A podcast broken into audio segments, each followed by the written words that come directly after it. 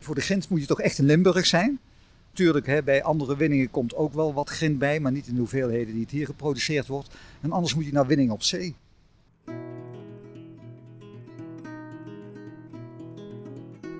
Dit is Op de Bouwplaats, een podcast over ontwikkelingen in de bouw. In dit seizoen bespreken we de 10 grootste veranderingen waar de bouw mee te maken heeft. Dat doen we steeds op een bouwplaats, ergens in het land. De podcast wordt mogelijk gemaakt door Buildsite, onafhankelijk marktonderzoeksbureau voor de bouwsector. Ik ben Marielle van Tilburg en ik maak deze podcast samen met Helle Jochems.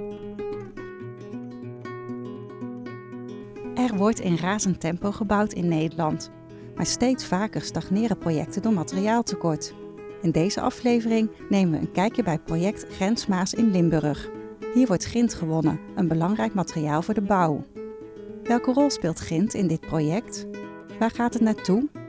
Wat betekent het als de grindwinning over een paar jaar stopt? En wat zijn dan de alternatieven? Willen jullie je voorstellen? Ik ben Kees van der Veken en ik ben directeur van het consortium Grensmaas. Michel van Eycken, directeur van Beeldsite, marktonderzoeksbureau bij Ten Bosch. En Kees, waar zijn we? We zijn nu op de locatie Trierveld en dat is een van de elf locaties van het project Grensmaas.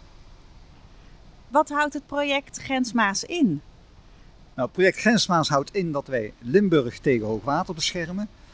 Over afstand van 43 kilometer vanaf Maastricht tot aan Roosteren. Dat doen we op een dusdanige manier dat de rivier weer de ruimte krijgt. Zo ontstaat er ruim 1000 hectare natuur. En het mooie van het hele is dat het hele project, wat ongeveer 700 miljoen euro kost, de belastingtaler geen eurocent kost, want alles wordt betaald met de opbrengsten van de verkoop van zand en grind. En dat geluid op de achtergrond, wat horen we precies? Je hoort het, uh, het maken van grind in feite. En dat houdt in dat we het grind, uh, of ja, het, het, het materiaal, het toevenaan noemen we dat, van alles wat. Dat, uh, dat trekken we uit elkaar, dat wassen we, dat zeven we. En indien nodig wordt het ook gebroken om een product te maken wat geschikt is voor de betonindustrie. Ik zie hier achter ons de schepen. Is dit dan de Maas? Nee, dat is het Julianenkanaal. Want de Maas is het onbevaarbare gedeelte tussen Maastricht en Maasbracht eigenlijk. Dus daar kun je wel op kanoën, maar kunnen geen vrachtschepen op. Dus vandaar dat het Julianenkanaal uh, gegraven is. En uh, je ziet een schip voorbij komen. Maar misschien is het goed om te weten dat de helft van alle schepen op het Julianenkanaal voor ons varen. Waarvoor wordt grind eigenlijk precies gebruikt in de bouwsector? Grind kent veel toepassingen, maar de belangrijkste toepassing is dat grind wordt toegepast in, uh, in beton, betonmortel. Uh, of uh, ja, op de plaatsen gestort, op de bouwplaats. Of je kunt er ook producten van maken. Dus ik denk dat grind voor een belangrijk deel zijn weg vindt naar de betonindustrie. En waar wordt dat beton dan weer voor gebruikt? Ja, de beton is een zeer veelzijdig materiaal. En een van de weinige materialen die je zowel in de infra, GWW, woningbouw als utiliteitsbouw terugvindt. Dus het is een materiaal ja, wat al heel lang toegepast wordt. Grind als materiaal, beton als materiaal is al een, een heel traditioneel en zoals we hier ook zien een, een nationaal product kunnen we wel zeggen. Ook niet onbelangrijk in deze tijd. We hebben deze aflevering over materiaaltekort. Is er een tekort aan grind? Nou, die vraag kan Kees beter beantwoorden, denk ik. Ik denk dat het op dit moment uh, uh, veel vraag is, sowieso naar bouwmaterialen. We hebben een uh, grote bouwopgave, dus er wordt op volle, volle snelheid wordt er gebouwd in Nederland. We moeten best wel veel inhalen. We hebben natuurlijk in de crisistijd te weinig gebouwd. Dus er is in brede zin, ja tekort is een zwaar woord, maar er is wel behoefte aan veel bouwmateriaal op dit moment. En, en daardoor ja, loopt de prijs een beetje op, dat zie je ook wel. Dus ik denk dat ja, dat Kees hier wel liever zeven dagen in de week zou willen produceren dan zes, als ik hem zo aankijk. Ja, dat klopt. Er is op het moment uh, gelukkig weer veel vraag. Want toen we hier begonnen was net de crisis, eigenlijk. de bouwcrisis uh, brak toen uit. Dus we hebben daar tot 2018 wel last van gehad. En vanaf 2018 is de productie eigenlijk gaan draaien zoals we die ooit gepland hadden. En dat is voor ons best heel vervelend, want heel ons project moet met de verkoop van zand en grind betaald worden. Als dan de opbrengsten achterblijven bij de verwachtingen, dan heb je toch een financieel probleem. Want de kosten lopen gewoon door natuurlijk. Wij moeten grond aankopen, wij moeten de engineers betalen om ontwerpen te maken. Noem maar op. Plus, en dat is het bijzondere van dit project, we hebben meerdere doelstellingen. Hoogwaterveiligheid, natuurontwikkeling en grind om de eerste twee doelstellingen te betalen. Maar die hoogwaterveiligheid die lag helemaal vast in het contract. 31 december 2017. Dus als normaal een crisis optreedt, dan kun je dat toevenaan of dat grindmengsel in de grond laten zitten. En wachten tot het nodig is en hopelijk is dan ook de prijs gestegen. Maar die ruimte hadden wij niet, want wij moesten door om de hoogwaterbescherming te halen. Die hebben we overigens wel op tijd gehaald. Kunnen jullie met de grindwinning die je hier doet aan de stijgende vraag voldoen? Ik kan dat niet helemaal overzien, maar ja, wij draaien maximaal. Dus uh, de afzet is er. Je moet wel goed beseffen dat wij over 2,5, 3 jaar klaar zijn hier. Zijn er andere plekken in Nederland waar nog grote hoeveelheden grind gewonnen zouden kunnen worden? Nee, voor de grind moet je toch echt in Limburg zijn. Maar uh, ja, natuurlijk, hè, bij andere winningen komt ook wel wat grind bij, maar niet in de hoeveelheden die het hier geproduceerd wordt. En anders moet je naar winning op zee. Maar daar zit je met het probleem uh, zout water. En zout en beton gaat niet heel lekker goed samen, heb ik me altijd laten vertellen. En ook daar zit je met hele hoge kosten. Het moet van ver komen, het moet behandeld worden, het moet aan land gebracht worden, het moet gedistribueerd worden. Dus ook daar loop je tegen best wel wat uitdagingen aan. Zijn er alternatieven voor grind? Nou, niet zo heel veel. Je kunt natuurlijk gebruik maken van uh, restmaterialen. Als er gesloopt wordt, dan, uh, dan daar zijn ook wel initiatieven. Maar ja, er wordt natuurlijk in Nederland lang niet genoeg gesloopt in die zin. En uh, dat, dat staat ook een beetje haaks op de behoefte aan vierkante meters die we in Nederland nodig hebben. Ja, dat kan natuurlijk lang niet de hoeveelheden opvangen die, die, die hier geproduceerd worden als ze hier straks stoppen met de werkzaamheden. Maar Kees kan daar misschien nog iets meer over vertellen. Ja, ik heb al begrepen dat maximaal 20, nou later 30% kan komen uit hergebruik van uh, sloopmaterialen. Maar er zit één heel groot nadeel aan, want dat is vaak poreus materiaal. En poreus materiaal vraagt meer cement. Dus is ook duurder in het gebruik. Misschien dat er ook grind uit het buitenland komt. Ik weet het eigenlijk niet zo goed, Kees. Nou, in het buitenland wordt ook grind gewonnen. Hè? Hier aan de overkant, want we zitten hier op de grens met België. Aan de overkant wordt ook grind gewonnen. En ook dat grind is eigenlijk vooral voor de lokale markt bedoeld. In Duitsland uh, heb je ook niet zomaar een vergunning. Ik denk dat het nog een heel probleem gaat worden om dat grind ergens vandaan te halen. Dat wordt, is echt een uitdaging. Want eh, even corrigeer me als ik het niet goed heb. Wat was de productie ook weer? Jaarbasis van jou hier van, qua grind? Wij produceren ruim 4,5 miljoen ton per jaar.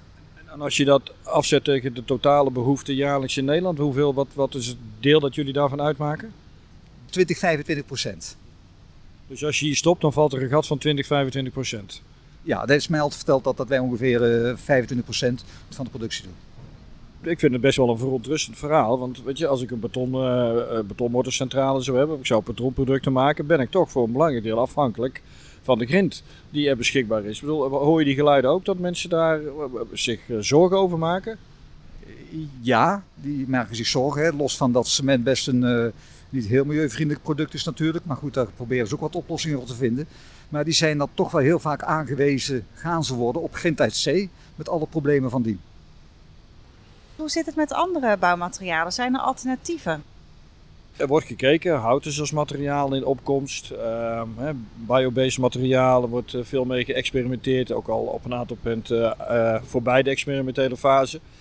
Ja, het ene materiaal leed zich wat meer voor industrialisatie en prefabricage. 3D-modulebouw is daar een voorbeeld van. Ja, daar zie je toch echt wel uitgevoerd worden in lichte bouwsystemen. Maar ja, hout is ook niet zo makkelijk aan te komen en moet van ver komen over het algemeen. We zien natuurlijk als beeldsite heel veel bouwlocaties, heel veel bouwwerk. En je ziet op een aantal plekken inderdaad hout wel terugkomen. Maar goed, mijn overtuiging is dat je voorlopig echt nog niet zonder elkaar kunt. Weet je, alle materialen hebben elkaar nog voor een behoorlijke periode nodig om de 100.000 woningen en misschien nog wel meer uh, te gaan, gaan bouwen de komende periode.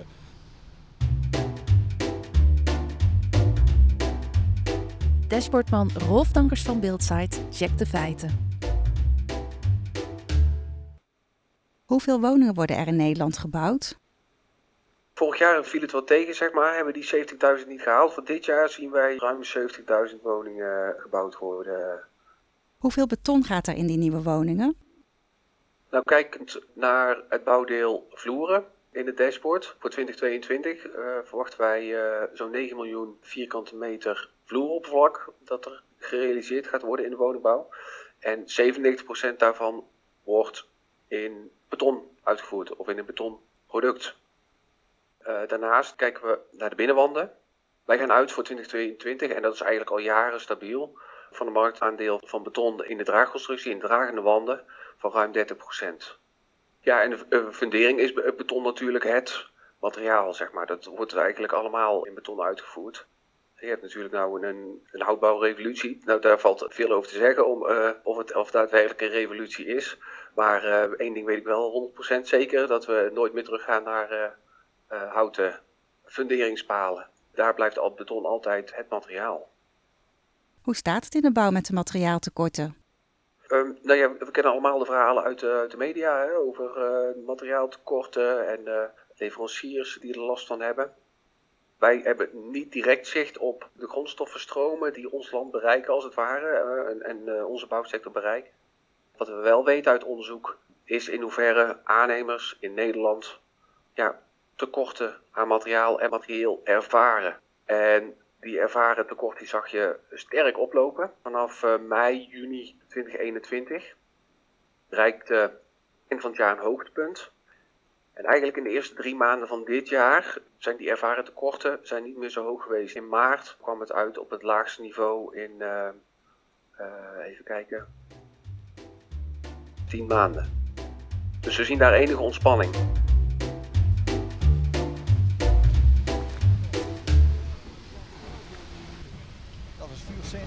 Een? Een vuursteen, denk ik. Een vuursteen? Ja, denk het wel. Die is wat uh, harder als ja. Je ziet al die verschillende stenen en ja, de deskundigen kunnen daar, die kunnen daar heel veel mee. Ja, ja. En dat is wel leuk, dan heb je hier uh, 20 of 30 van die eerstejaars en die, die pakken zo'n steen, die kloppen ze door en daar, dan moeten we, moeten we allemaal opschrijven wat het is en zo. Dat is leuk hoor. Hoe hoog is deze stapel grind als je het zou moeten inschatten? Uh, ik schat een meter of 20 en er liggen hier totaal ongeveer 250.000 ton uh, ruw materiaal op voorraad. Uh, verkoop je ook het zand of verkoop je alleen het grind? Het, het, grind en industriezand. Dus je hebt zand en grindwinning is het. Ja, dus niet ja. alleen, maar de nadruk zit echt op, wat is de verhouding in tonnage? maximaal, nou ik weet het heel precies, 7,2% zand. dat, is, dat is behoorlijk precies, ja. Industriezand dan, hè? De zand is hoger, totaal de zandpercentage. Oké. Okay. Maar dat, uh, dat, vangen we daarop en dat wordt, wordt niet verkocht. Dat gebruiken we hier wel onder, uh, onder de uh, werkwegen en dergelijke, maar dat, dat gaat niet de handel in.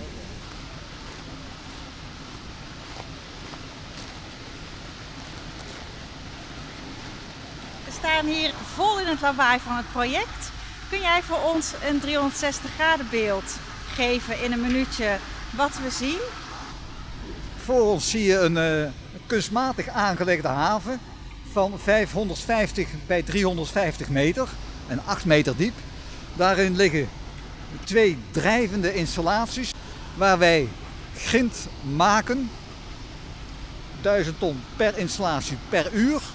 En als we dan verder doordraaien, zien we hier die grote bergen van gemengd zand en grind liggen voordat het aan boord gaat. Ongeveer 250.000 ton.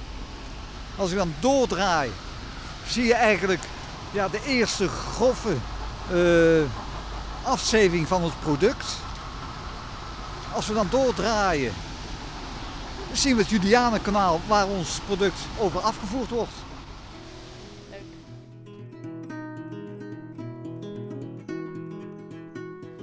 We hebben het gehad over uh, tekort uh, aan grind. Maar andersom merk je op deze bouwplaats ook uh, iets van het materiaaltekort. Jazeker, wij produceren dus grind en dat gaat met heel veel geweld gepaard en heel veel onderhoud van met name de breekinstallaties en de zeven. Dus vaak is dat staal. En waar voorheen de levertijd voor slijdelen vier weken was, is die nu opgelopen naar negen maanden. Maar wij doen niet zo lang met slijdelen, dus dat vergt het uiterste van onze technische onderhoudsdienst om alles op tijd geleverd te krijgen en alles toch draaien te houden dat is wel iets van de laatste tijd, denk ik. Jazeker, dat is iets van de laatste tijd. Uh, ja, het is een van de, de grootste risicofactoren die we op het moment onderkennen om, om de productie uh, niet in gevaar te laten komen. Dus daar zijn we heel alert op. Wat verwacht je van de toekomst? Ik verwacht voor de toekomst dat we gezamenlijk in Nederland voor een paar hele grote uitdagingen staan. En uh, enerzijds willen we mensen een betaalbare woning bieden. En anderzijds hebben we te maken met het oplopende tekorten van, van bouwmaterialen en, en, stijgende prijzen, tekort aan personeel. Dus weet je, het is een groot conflict op dit moment. En ik hoop dat we dat met z'n allen oplossen. En ik heb al eerder gezegd, als je kijkt naar de materialen en de materiaalposities, denk ik dat het niet zoveel zin heeft om elkaar uit te sluiten in deze tijd. Je zult elkaar echt heel hard nodig hebben om die doelstelling. En daar hoop ik op. Ik hoop op, op begrip de toekomst is dat, hoop ik, dat uh, Limburg veilig is. Dat is een van onze hoofddoelstellingen natuurlijk. Dat zich een prachtige natuur ontwikkelt, maar ja, die is zich al bezig te ontwikkelen. En ook de mensen die er verstand van hebben binnen onze organisatie van Natuurmonumenten zijn daar enthousiast over. En ik hoop dat er in de toekomst ook genoeg grind is om de bouw in het tempo wat gewenst is te kunnen laten voortgaan.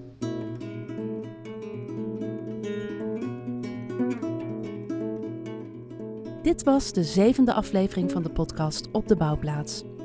We spraken met Kees van der Veken en Michel van Ekert. De muziek was van Mon Plezier. Vind je deze podcast leuk en wil je meer van ons horen? Abonneer je dan via je eigen podcast-app en laat een review achter, zodat andere liefhebbers hem beter kunnen vinden. Ik ben Marielle van Tilburg en ik maak deze podcast samen met Helle Jochems.